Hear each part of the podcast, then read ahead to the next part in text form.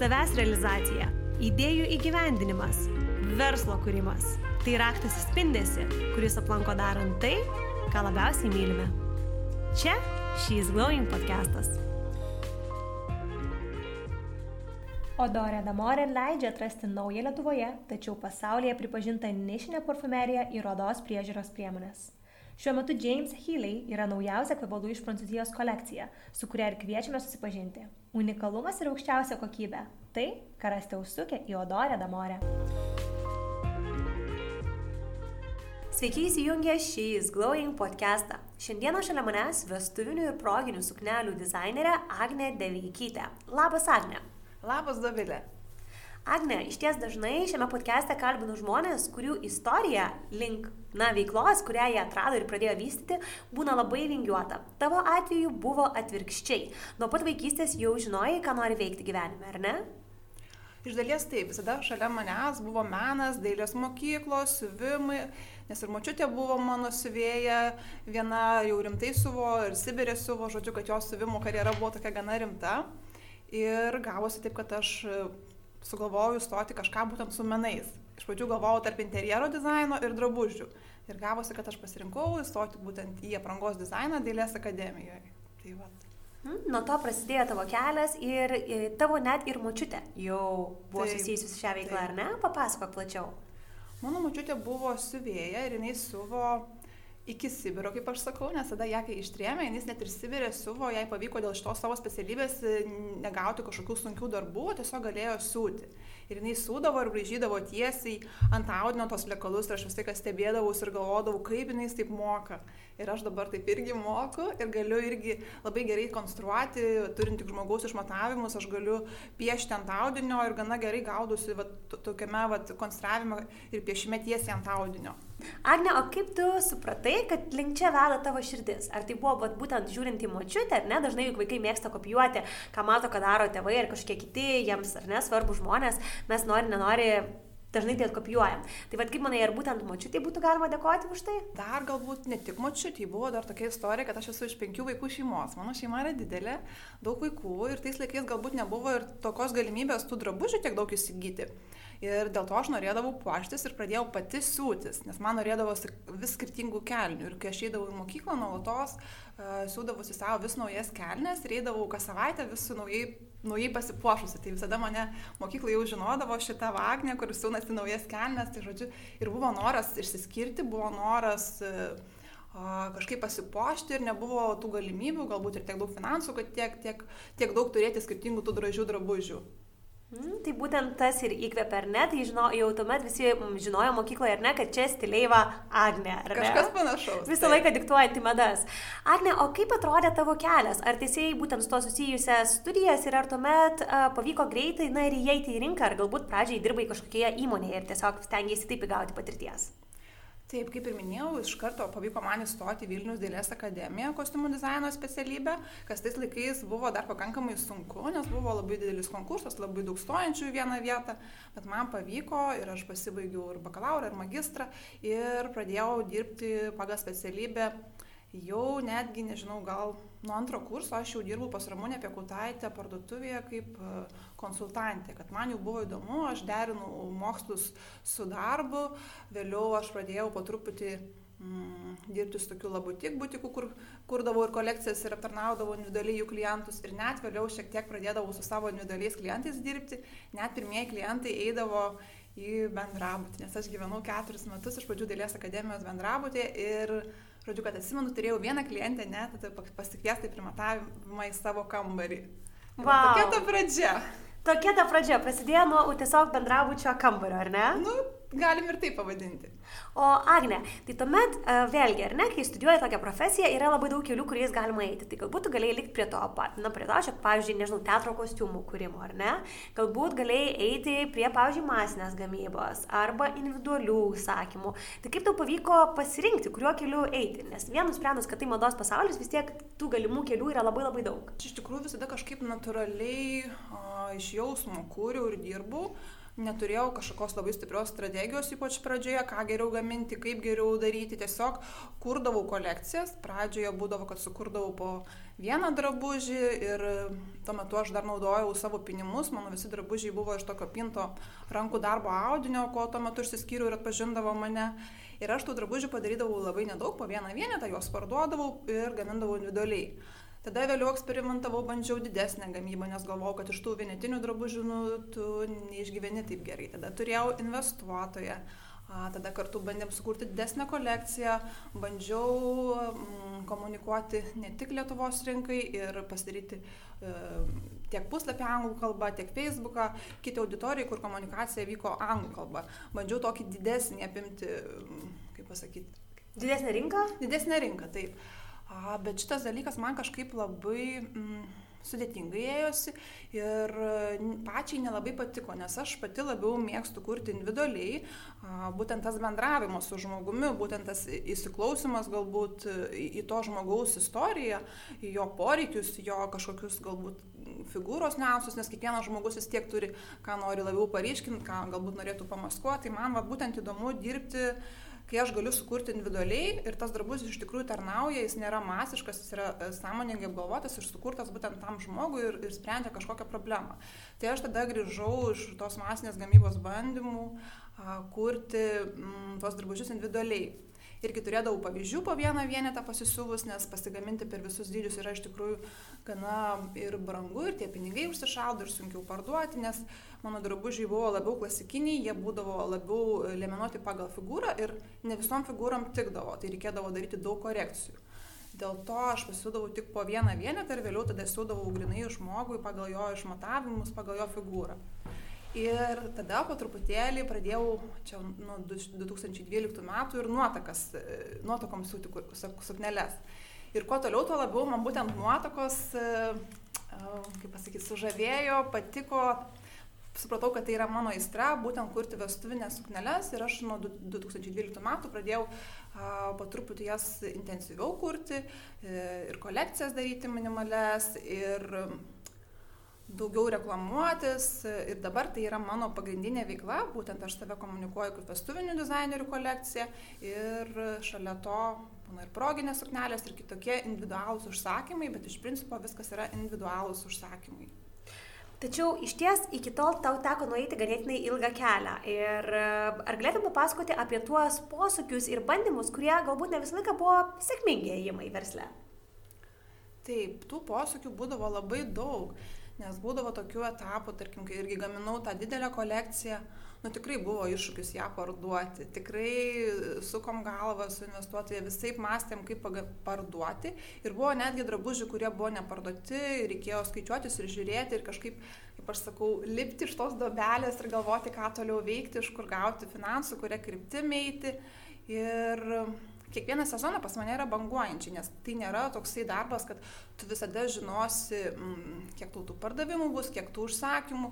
Tu visada turi nuolatos sekti mm, metų laiką, tendenciją, šventes ir reaguoti į tai. Tarkim, prieš vasarą vis tiek turi sukurti kažkokių vasarinių, tai yra šventinių suknelių, nes vasarą daug švenčių. Tarkim, prieš kalėdas turi turėti kalėdinius pasiūlymus, pavasarį vieną asortimentą, rudenį paltus. Turi labai greitai reaguoti ir tos asortimentus keisti miksuojant su vestuviniam suknelėm. Tai pas mane būna labai daug tų operacijų ir aš miksuoju. E, tai minėjai, ar ne, kad tu buvai pristraukusi investuotojus, kurie investavo į tavo verslą, ar ne, tam, kad paruoštumėte didžiulę kolekciją. Taip, turėjau partnerę per bušnelį investuotoją, aš tai pavadinčiau, kad mes kartu buvom a, kaip ir dviese tą kolekciją bandėm išreklamuoti, e, kartu jis dirbo būtent už komunikaciją, už PR, o aš būtent buvau ta dizainerė, kuri kūrė ir taip toliau. Tai buvo toksai bandymas. Taip. O kaip nutarėte suvienyti jėgas? Ir tiesiog gyvenimas suvedė, taip kažkaip gražiai sutarėm ir sugalvojom pasibandyti. Ir pasibandėm kaip ir viskas gavosi neblogai, bet nėra taip paprasta. E, ta mergina dabar turi savo drabužių verslą, kaip ir irgi viskas jai neblogai sekasi. Tai žodžiu, pasibandėm vienaip, dabar jinai kitų kelių nuėjo, o aš toliau tiesiu būtent individualiai dirbu labiau būtent su nuotakomis. O kaip ta patirtis galbūt jinai atvedė kažkokių, na, padovanojo tau kažkokių dovanų apie iš esmės partnerystę versle? Nes tai yra labai dažnas klausimas. Labai dažnai net ir šiais Going klube, ar ne, mes matome diskusijas apie tai, e, kad, na, ar man verta būtų ieškoti partnerės, ką galbūt reikėtų apgalvoti prieš nusprendžiant eiti į verslą draugė su kažkuo. Iš tikrųjų, rasti e, tinkamą partnerį būtent verslui nėra, manau, kad labai lengva, bet e, tikrai kiekvienas gali susirasti pagal savo turbūt e, kriterijus, poreikius, ko jam reikia tuo metu ir kurių yra galbūt silpnesnės vietos, nes labai svarbu, kad komandai tas kitas žmogus galbūt galėtumėt pasidalinti darbais, atsakomybėmis ir, kaip tu minėjai, tais visais finansais dalintis, kad, tarkim, aš pati kaip menininkė galbūt nesu stipri ant finansų ar ten kažkokios komunikacijos, tai man labai padėjo ir patiko, kad tas žmogus būtent tvarkė tos finansus, man buvo daug paprasčiau. Tuo pačiu e, mane šiek tiek susistemino, ko man irgi trūko.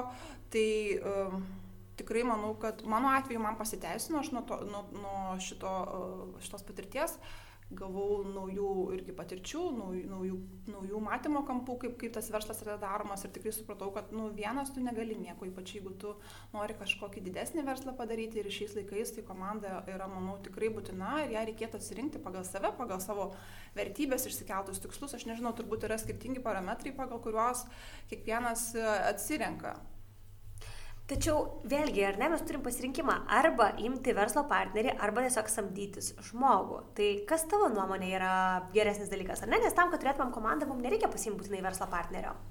Taip, tai vis tik samdyti žmogų yra paprasčiau ir tu gali, mm, jeigu kažkas netinka, ir pakeisti jį, arba kažkaip kitaip motivuoti, susitarti. Aš pati turiu įvairias siuvėjas skirtingose siuvyklose, yra atskirai konstruktorės, yra atskirai mergina, kuri mm, man daro Instagramą, atskirai kas man leidžia reklamas, atskirai žmogus, kuris tvarko internetinį puslapį. Tai gaunasi, kad aš turiu tos skirtingus žmonės ir e, labai smagu, kai yra nesusimaišę atsakomybės, kai tiesiog ne vienam žmogui tu užkrauni viską, nes manau, kad nėra vieno ir tokio žmogaus, kuris galėtų išmanyti visas rytis labai gerai. Tai manau, kad kiekvienas žmogus turėtų daryti tai, ką jisai išmano ir moka geriausiai, tada, manau, bus geriausi rezultatai.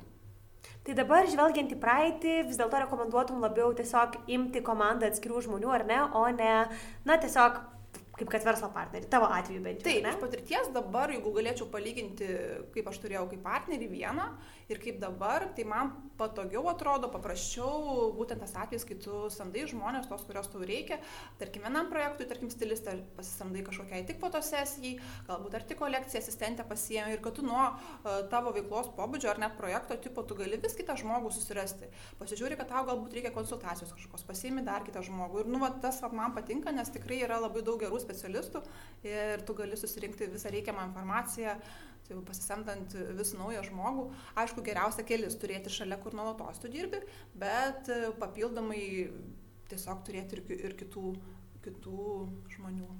Mhm. Agne, o man labai smalsu, tu sakai, kad buvo tokia situacija, kad jūs sukūrėte didžiulę kolekciją, tačiau tikrai ne visą ją pavyko parduoti, teisingai? Man Taip. įdomiausia yra net ne finansiniai dalykai, kokie tai buvo nuostoliai. Man įdomiausia yra tai, kaip tu tuo metu jauteisi. Nes labai dažnai, kai pardavimai galbūt nebūna tokie, kokiu mes tikėjomės, tai labai kerta iš esmės per pasitikėjimą savimi. Palėtė labai iš tikrųjų gerą temą, nes vis tiek mm, aš esu kaip ir savęs skaitau ir kurieja, ir dizainerė, ne tik verslininkė, tai man ta kūryba tokia, kur eina, kaip aš sakau, iš manęs, iš vidaus, tai man kaip ir svarbu, kad mano kūryba nu, žmonės pirktų, aš noriu, kad jais patiktų, nu toksai yra kaip ir vidinis noras. Ir kartais būna truputėlį, kaip tu minėjai, galbūt liūdna, kažkaip, kad kai tavo drabužių neperka arba nelabai nori, arba tiesiog aš pati nemoku išreklamuoti ir jų nepamato, tai toksai tada asmeniškai šiek tiek prie priemi, nesugebė skirti, kad tai yra verslas, tai nėra nieko asmeniško, ne apie tave, kad tiesiog žmogus galbūt nežino apie tave visų pirma, nes gal neranda informacijos, gal per mažai reklamų. O kartais būna, kad tiesiog tu tada savo galvoji, gal nepakankamai gera kolekcija, gal kažką netai padariau, nu visokių tokių niansų. Bet po to būna tu permastai ir supranti, kad viskas čia gerai, čia yra verslas, čia yra daug skirtingų žmonių nuomonių ir tiesiog kuri toliau, vėl pailsi, pas, pasirinkai kažkokių naujų inspiracijų ir, ir vėl kuri kitą kolekciją, bandai kažkokią kitokią, kitokį kampą. Nes aš dažnai eksperimentuoju, kad mano kolekcijos šiek tiek skiriasi, nėra, kad jos visos kartotųsi, dėl to, kad man pačiai yra įdomu uh, stebėti mm, ir, ir ko žmonės nori. Ir aš pati keičiuosi ir nebenoriu tų pačių dalykų ir aš sauliaidžiu. Tiesiog dabar uh, norėjau blizgučių, tai sukūriau blizgą kalėdinę kolekciją. Uh, taip pat ir vestuvinę kolekciją naują darau, tokią, kur daug blizgesnė, ko anksčiau nedarydavau, darydavau minimalizmą. Tai gaunasi tiesiog, kad laisvai uh, eksperimentuoju ir manau, kad bus žmonių, kuriems tai patiks.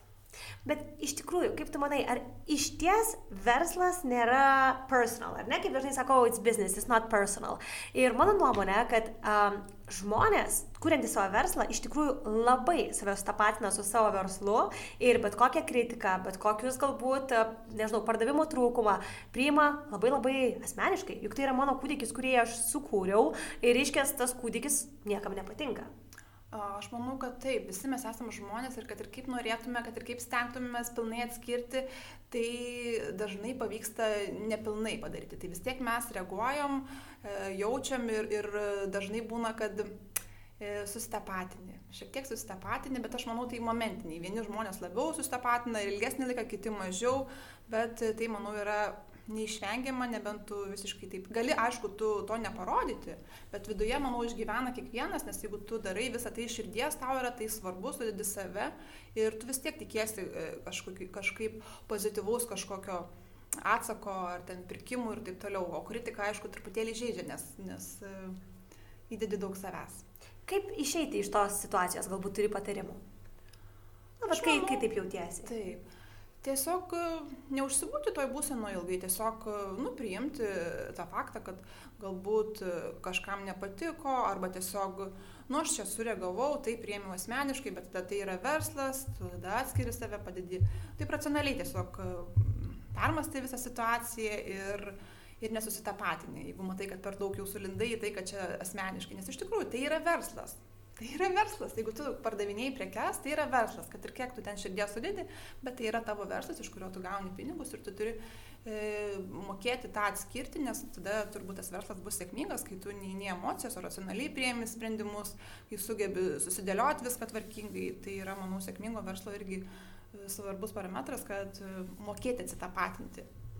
Vienareikšmiškai. Ir aš labai norėjau paliesti šitą temą, nes tikrai dažnai, žinau, moteris ar ne, ypač verslo pradžioje, pavyzdžiui, tie rezultatai nebuvo tokie, kokios galbūt savo, na, buvo nusibrėžusios ar numačiusios, ar ne nuo pat pradžių. Ir tada labai dažnai rankos ir nusvyra. Ir dažnai aš matau verslus, kurie mano nuomonė turėjo daug potencialo, bet niekada neišjudėjo į priekį, nes galbūt tas rankos nusviro kur kas anksčiau negu turėjo. Ir verslas tiesiog niekada neturėjo galimybės išeiti į kitą lygį, kurį galbūt būtų, na, pasiekęs.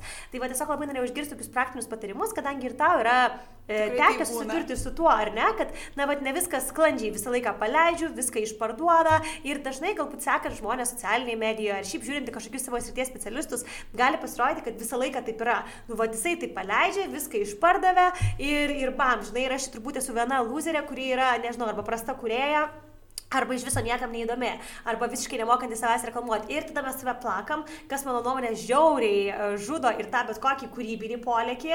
Ir tada tikrai gali nieko nesinorėti, tiesiog sulysti savo keutą ir gal su tą veiklą net ir atsisveikinti. Tai tiesiog labai norėjau paliesti šitą temą, nes manau, kad apie tai svarbu yra daugam pagalvoti. Ir iš tikrųjų paklausti savęs visų pirma, ar aš pakankamai ilgai darau šitą veiksmą, ar aš įdėjau visas pastangas į tų pačių pardavimų, pavyzdžiui, generavimą ar ne. Ir nepriimti to tik asmeniškai, toli gražu, toli gražu, tikrai, nes tai nėra, na, tai nėra paremta simpatija ar, ar, ar ne, tai yra paremta bet kuo ir marketingu, tam tikrais kitais mūsų ėjimais, ar ne.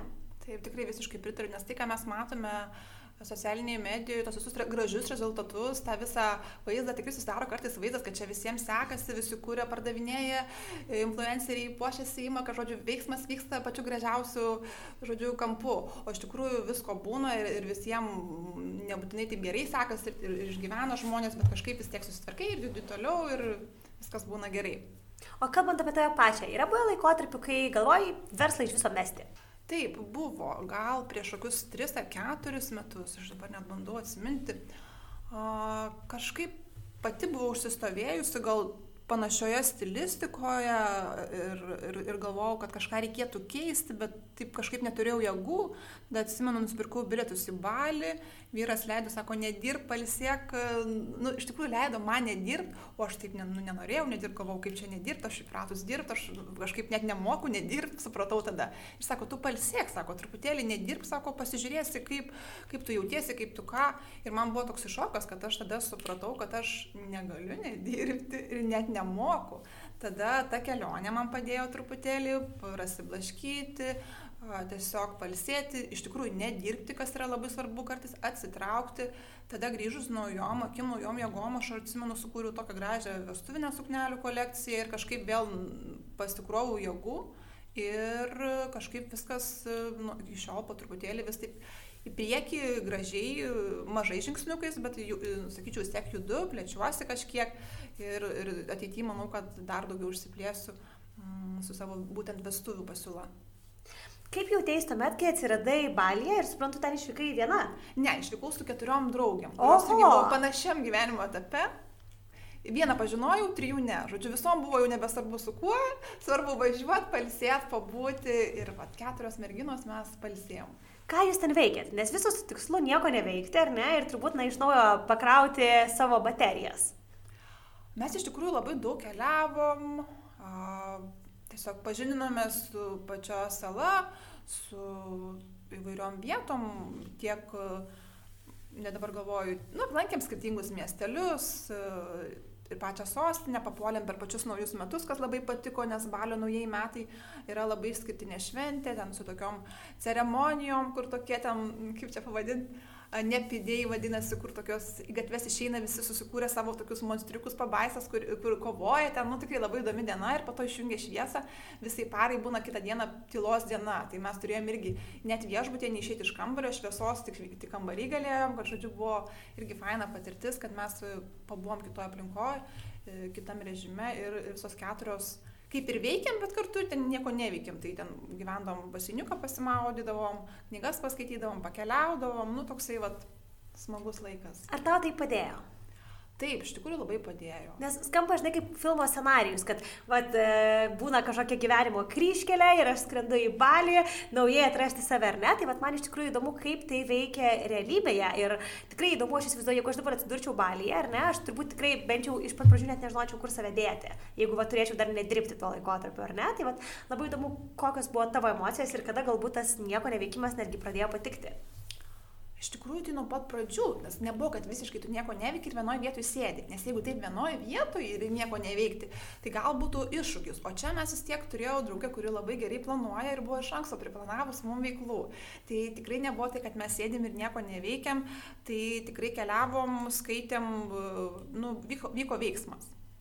Tikrai nebuvo, kad visiškai ramybė, tiesiog tai buvo kitokia veikla, e, mintis kitokios, tu ne apie darbus galvoji, tu tiesiog net neturėjai kada laiko, nes ta aplinka, visų pirma, balė kažkokia labai yra atpalaiduojanti, moteriška mano atmosfera, ten labai gera ir tu tiesiog atsipalaiduoji. Tai kokia Agnė grįžo iš balio? Grįžau pasikrovusi naujų jėgų, a, turbūt ir naujų idėjų.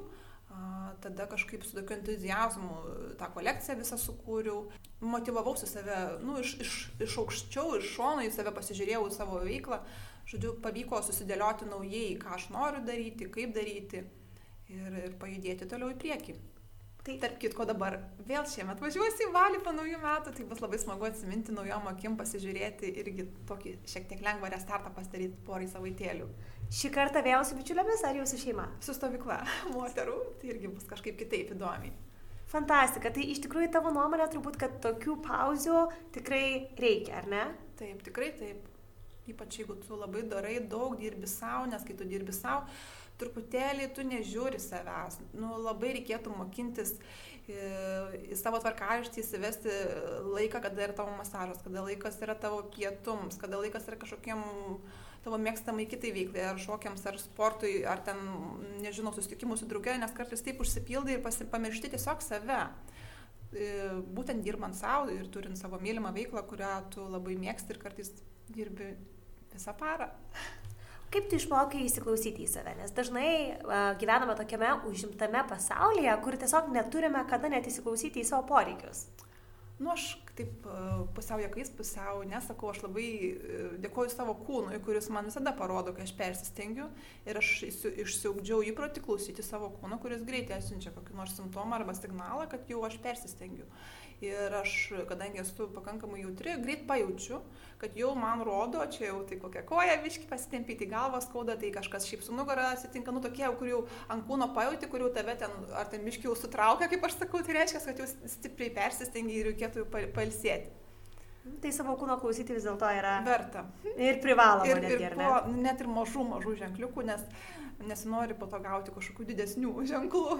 Tikrai taip, o kantrybės ir, na, tikrai tokio atsidavimo savo darbui tau tikrai reikia, juk dirbi su, su tokia labai jautria tema, vestuvėmis. Ir nuotakai iš ties yra svarbi kiekviena detalė. Jau nekalbant apie visas tas nuotakas siaubūnės, apie kurias bent jau mitų, tai tikrai esame prisiklausę ne vienas. Tai Agne, kaipgi iš tikrųjų ten yra? Ar tokios siaubūnės tas nuotakos? Kažkaip pas mane šiuo metu tikrai ateina visos nuostabios nuotakos. Paskutinius kelius metus neturėjau kažkokių incidentų ar nuotokų, su kuriuom nesutardavom. Tai nežinau, kaip čia taip atsitiko. Pradžioje esu turėjus porą nesusipratimų. Buvo atveju, kada uh, su nuotokom nesutapom, nesupratom viena kitos pačioje pradžioje. Kai pradėjau daryti, atsimenu, buvo iš viso galdo atvejai. Bet šiuo metu kažkaip pritraukiu žmonės, galbūt panašius į mane ir per konsultaciją uh, labai daug komunikuojam, uh, kad susikalbėtume ir suprastume, kad mes viena kitai tinkamos ir, ir išpildysim viena kitos lūkesčius. Ir kažkaip aš labai daug komunikuoju, išmokau daug komunikuoti, įsiklausyti į žmogų, kad išvengti tų visų problemų ir tiesiog pamatyti, ko tam žmogui reikia ir suteikti tai. Nes kiekviena nuotaka pergyvena dėl skirtingų dalykų, kiekviena jo šventė šiek tiek skiriasi, jo svajonė skiriasi, tiesiog reikia labai mokėti įsiklausyti ir padaryti ne taip, kaip aš pati noriu, va aš sugalvojau, padariau, pasiuvau, aprengiau ir man visiškai nesvarbu, kaip tu jautiesi, tiesiog aš bandau suderinti tą savo profesionalų požiūrį su nuotakos kažkokia vizija ir netgi kaip jinai jaučiasi, nes kartais aš turiu suknelę padaryti šiek tiek net laisvesnę, nors pagal figūrą galėčiau padaryti padaryti visiškai aptemptą ar ten prigludusią, bet jinai tiesiog nesijaučia gerai ir aš vis tiek turiu balansuoti tarp to, kad jinai jaustųsi ir gerai. Tai manau, dėl to man pavyksta dabar išvengti tų, kaip aš sakau, kažkokių nepatogių situacijų. Uh, kad nuotakos netaptų siaubūnės, kad jos ne, nesinervuotų, kad ten jom nesukelt papildomą stresą, nes dažnai jos ir pačios stresuoja, turi daugybę ten tų neišspręstų kitų klausimų, ne tik suknelė, tai vad noriu bent jau, kad šitas procesas būtų joms malonus, lengvas, kad visą visumą sužiūrėti, kad priderinti ir papašalus, ir aksesuarus, kad jos, nu, kuo labiau atsipalaiduotų ir mėgautųsi šito procesu. Ir, žodžiu, kol kas man tai pavyksta ir manau, kad mm, smagu turėti nuotakas ir dirbti su tom, su tom nuotakom, kokias aš dabar turiu. Fantastika, pritariu. Iš ties ir pati daugybę metų dirbdama vestuvių srityje galiu tik pasakyti, kad labai daug mitų prikurta apie tas siaubūnės ir iš tikrųjų a, tikrai, tikrai taip nėra. Tai labai smagu, kad ir tu lygiai taip pat jautiesi. Agne, o dabar žvelgdama į na, savo nueitą ilgą kelią, kiek, kiek metų esi šioje, šiame versle?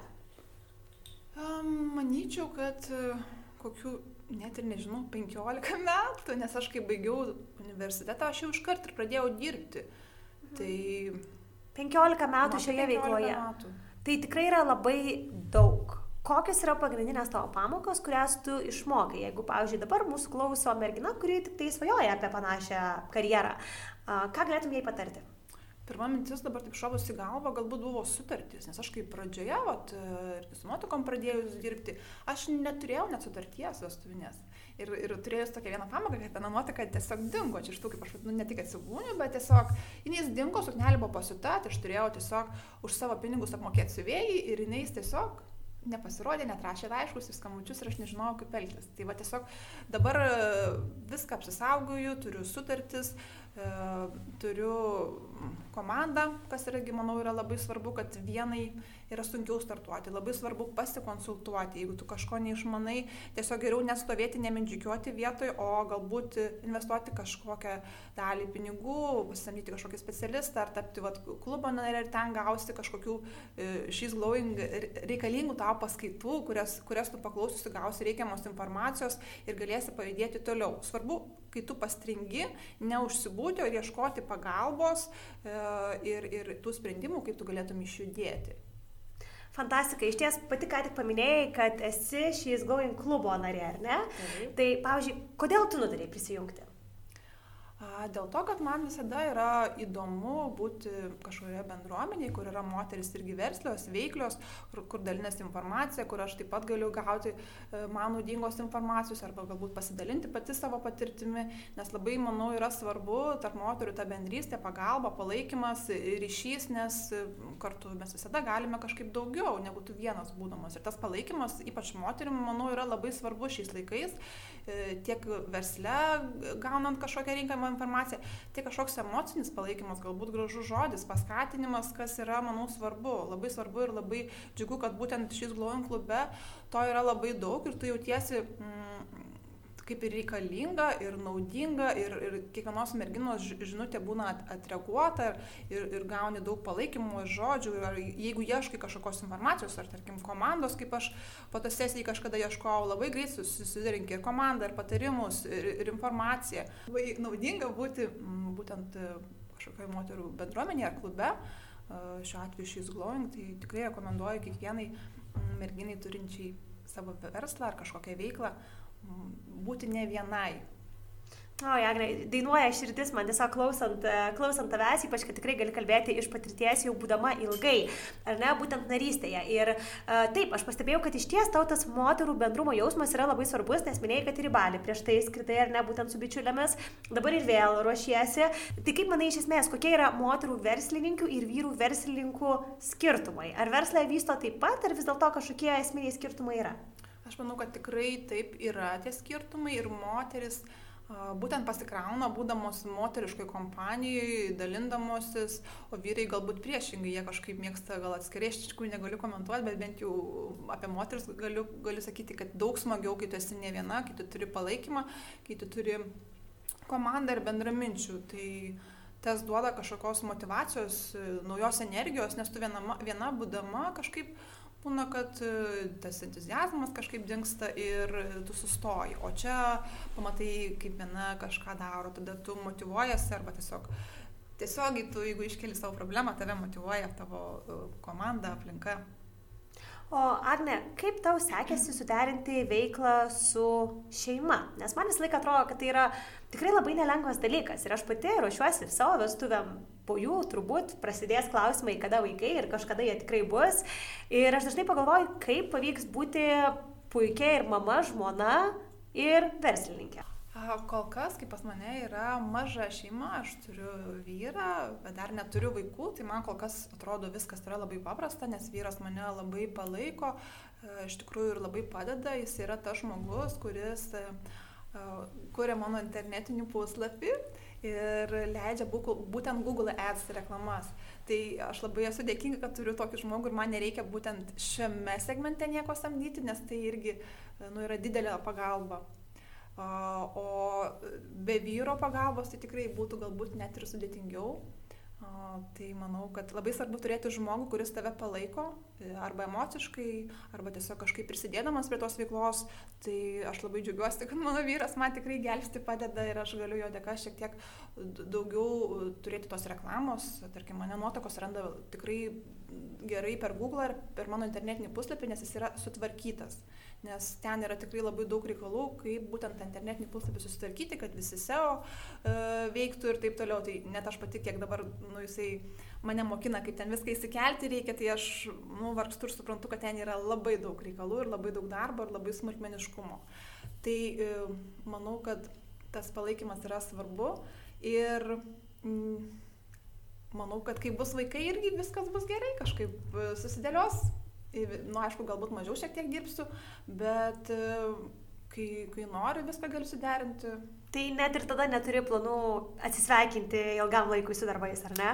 Kaip ir ne, dėl to, kad man mano karjera, kūryba yra labai svarbu, tai yra kažkaip dalelė manęs, jeigu taip kalbant, tai man yra smagu kurti, bet šeima irgi yra kita vertybė, kurios yra labai šalia ir tiesiog bandyčiau balansuoti.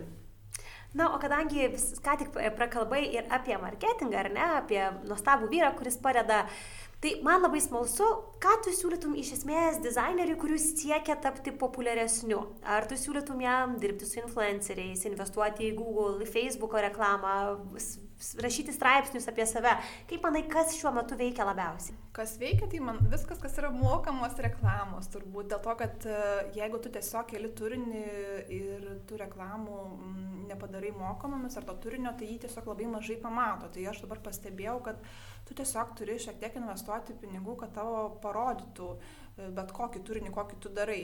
Aišku, su influenceriais visada yra labai naudinga Lietuvoje dirbti, tikrai veiksmingas dalykas, kurio aš taip pati nesu rimtai išbandžiusi, bet dabar planuoju ir galvoju, kaip tai padaryti, nes iki šiol nerasdavau būdo, kaip būtent vestuvinę e, krypti su, su influenceriais dirbti. Tai šitą manau, kad tikrai rekomenduoju, nors pati patirties neturiu. Tai, tai vėl tokia rekomendacija tik, tik, tik tokiame lygyje. Um, svarbu turėti ir savo gerą internetinį puslapį, bet aišku priklausomi turbūt nuo projekto ir paslaugos produkto ir paslaugos. Į tai reikėtų atsižvelgti ir pagal tai pasirinkti tinkamą kanalą tam reklamuoti. Čia galbūt e, jau nebūsiu tokia gera patarėja, nes vis tiek labiau mano sritis yra kūrybą, tai čia reikėtų jau žiūrėti, konsultuotis galbūt su žmonėm, kurie tai daro, nes man tiesiog, kas man veikia, aš galiu pasakyti, kad man veikia Google reklamos, e, tada Instagram reklamos veikia, tada, kai aš keliu storius, būtent storius, kuriuose aš pati su jie geriau visada mm, pritraukia e, peržiūrų ir mm, tiesiog reikėtų pačiai eksperimentuoti turbūt ir žiūrėti, kas yra, kas yra veiksminga. Aš pritariu ir iš ties labai svarbu apgalvoti ir tai, kokia tai yra veikla, ar ne? Ir, pavyzdžiui, tikrai vestuvinės suknelės yra vienas iš tų dalykų, kur žmonės logiška, kad ieško per Google. Tai vienareikšmiškai tokiu atveju, kaip toje veikloje, yra tikrai labai vertinga apgalvoti, ar ne? Būtent, pavyzdžiui, mokamas reklamas, o tuo tarpu, jeigu tiesiog siūvame gražias sukneles, kurias galbūt nebūtinai žmonės ieško, ar ne, tai galbūt būtų logiškiau reklamuoti ir, pavyzdžiui, tiesiog per tą patį Facebook ar Instagramą, kur žmonėms gali tiesiog netikėtai išmesti į feedą. Tai manau visą laiką yra labai sveika tiesiog logiškai pagalvoti, per kur žmogus galėtų mane pamatyti ir užsinorėti. Ar jisai jau supranta, kad man reikės ar ne to produkto, ar jisai labiau turi pamatyti, užsinorėti ir galbūt tik tada jau priimti sprendimą, kad man jo reikia. Tai kaip suprantu, tas kelias e, tau reklamuoti save nebuvo lengvas ir reikėjo netgi galbūt kurį laiką na, mąstymo, ar ne, tokio kaip ir prieimimo sprendimo, kad vis dėlto neužtenka daryti vien gražius dalykus, reikia dar pasistengti, kad juos kažkas ir pamatytų. Tai. Dažnam kuriejui tai būna iššūkis, nes tikrai daug kas galvoja, kad jeigu kursiu, įdėsiu visą savo širdį, taigi mane pamatys. Deja, ne, rinka yra šiek tiek kitokia ir, ir tas, tas tendencijos vis labiau kinta, kad vis mažiau parodo to turinio nemokamai. Nes aš kai pradėjau daryti, man labai pasisekė, kaip gerai Facebookas parodydavo, kokie rodikliai buvo geri. Nes tada dar netgi buvo populiaresnis Facebookas negu Instagramas. Tai dabar yra šiek tiek kitaip, tu turi dėti daug daugiau pastangų ir investicijų, ir apgalvoti, ir pasirinkti kokiais būdais, ir, ir kokia tavo ta strategija, kaip tu tai darai. Yra nebe taip paprasta nebe taip paprasta, bet tikrai ši tendencija tik tai, ar ne, auks, kadangi atsiranda vis didesnė konkurencija, tai natūralu, kad norint, kad na, mūsų turinį pastebėtų, tai vis daugiau teks į tai investuoti. Taip. Tai kas galbūt dar nepradėjo, tikrai rekomenduočiau susimastyti ir labai puikus priminimas, Agne, kad tikrai labai dažnai, jeigu tiesiog lauksime, kad na, kažkas ar nepastebės mus, galim, gali tekti laukti labai ilgai. Taip, tikrai reikia, reikia, kad e, parodytų daugiau kas, nes tavo, jeigu ypač tu esi naujas, mažas, prekės ženklas, kur neturi daug sekėjų, tai tikrai labai mažai žmonių pamatys pradžioje. Manau, investicijos yra būtin, būtinos į, į reklamą, kad daugiau žmonių pamatytų, atrastų, sužinotų apie šitą prekės ženklą. Visiškai pritariu. Agne, ir pabaigai tiesiog noriu paklausti, ką tu palinkėtum kiekvienai, kuri galbūt dabar klausosi, ar ne, mūsų podcast'o ir e, tiesiog galbūt verslą na, jau turi, galbūt žengia pirmosius žingsnius, galbūt dabar atėjus naujiem metams svajoja apie kažkokius tai pokyčius, tai ką pasakytum tai moteriai? Mm, galbūt mano toks palinkėjimas būtų išlikti savimi, nes e, labai daug verslų supanašėja ir labai yra svarbu nebijoti būti savimi, nebijoti komunikuoti taip e, taip, kokia tu esi ir ta žinutė pagal save, kad nesusimaišytų, nesikomunikuotų. Tiesiog palinkėjimas būti, būtų būti savimi, nebijoti išsiskirti. Agne, tikrai taip, pritariu. Nebijokime įsiskirti, nes būtent tai mūsų asmenybė, mūsų įskirtinumas ir padarys tą prekinį vardą įsimintinu ir tuo, kurį klientai norės rinktis. Tai ačiū tau, kad buvai mūsų podcast'e ir pasidalinai savo patirtimi. Ačiū Davilė, man buvo labai malonu. Ačiū, kad klausėsi šio She's Glowing podcast'o. Jei nori daugiau įkvepiančių istorijų, žinių, bendrystės, renginių ir kitų nuostabių privilegijų, kurias gali gauti būdama She's Glowing klubo nare, keliauk tiesiai į www.sheisglowing.lt ir tapk mūsų klubo nare. Pasimatysime ten.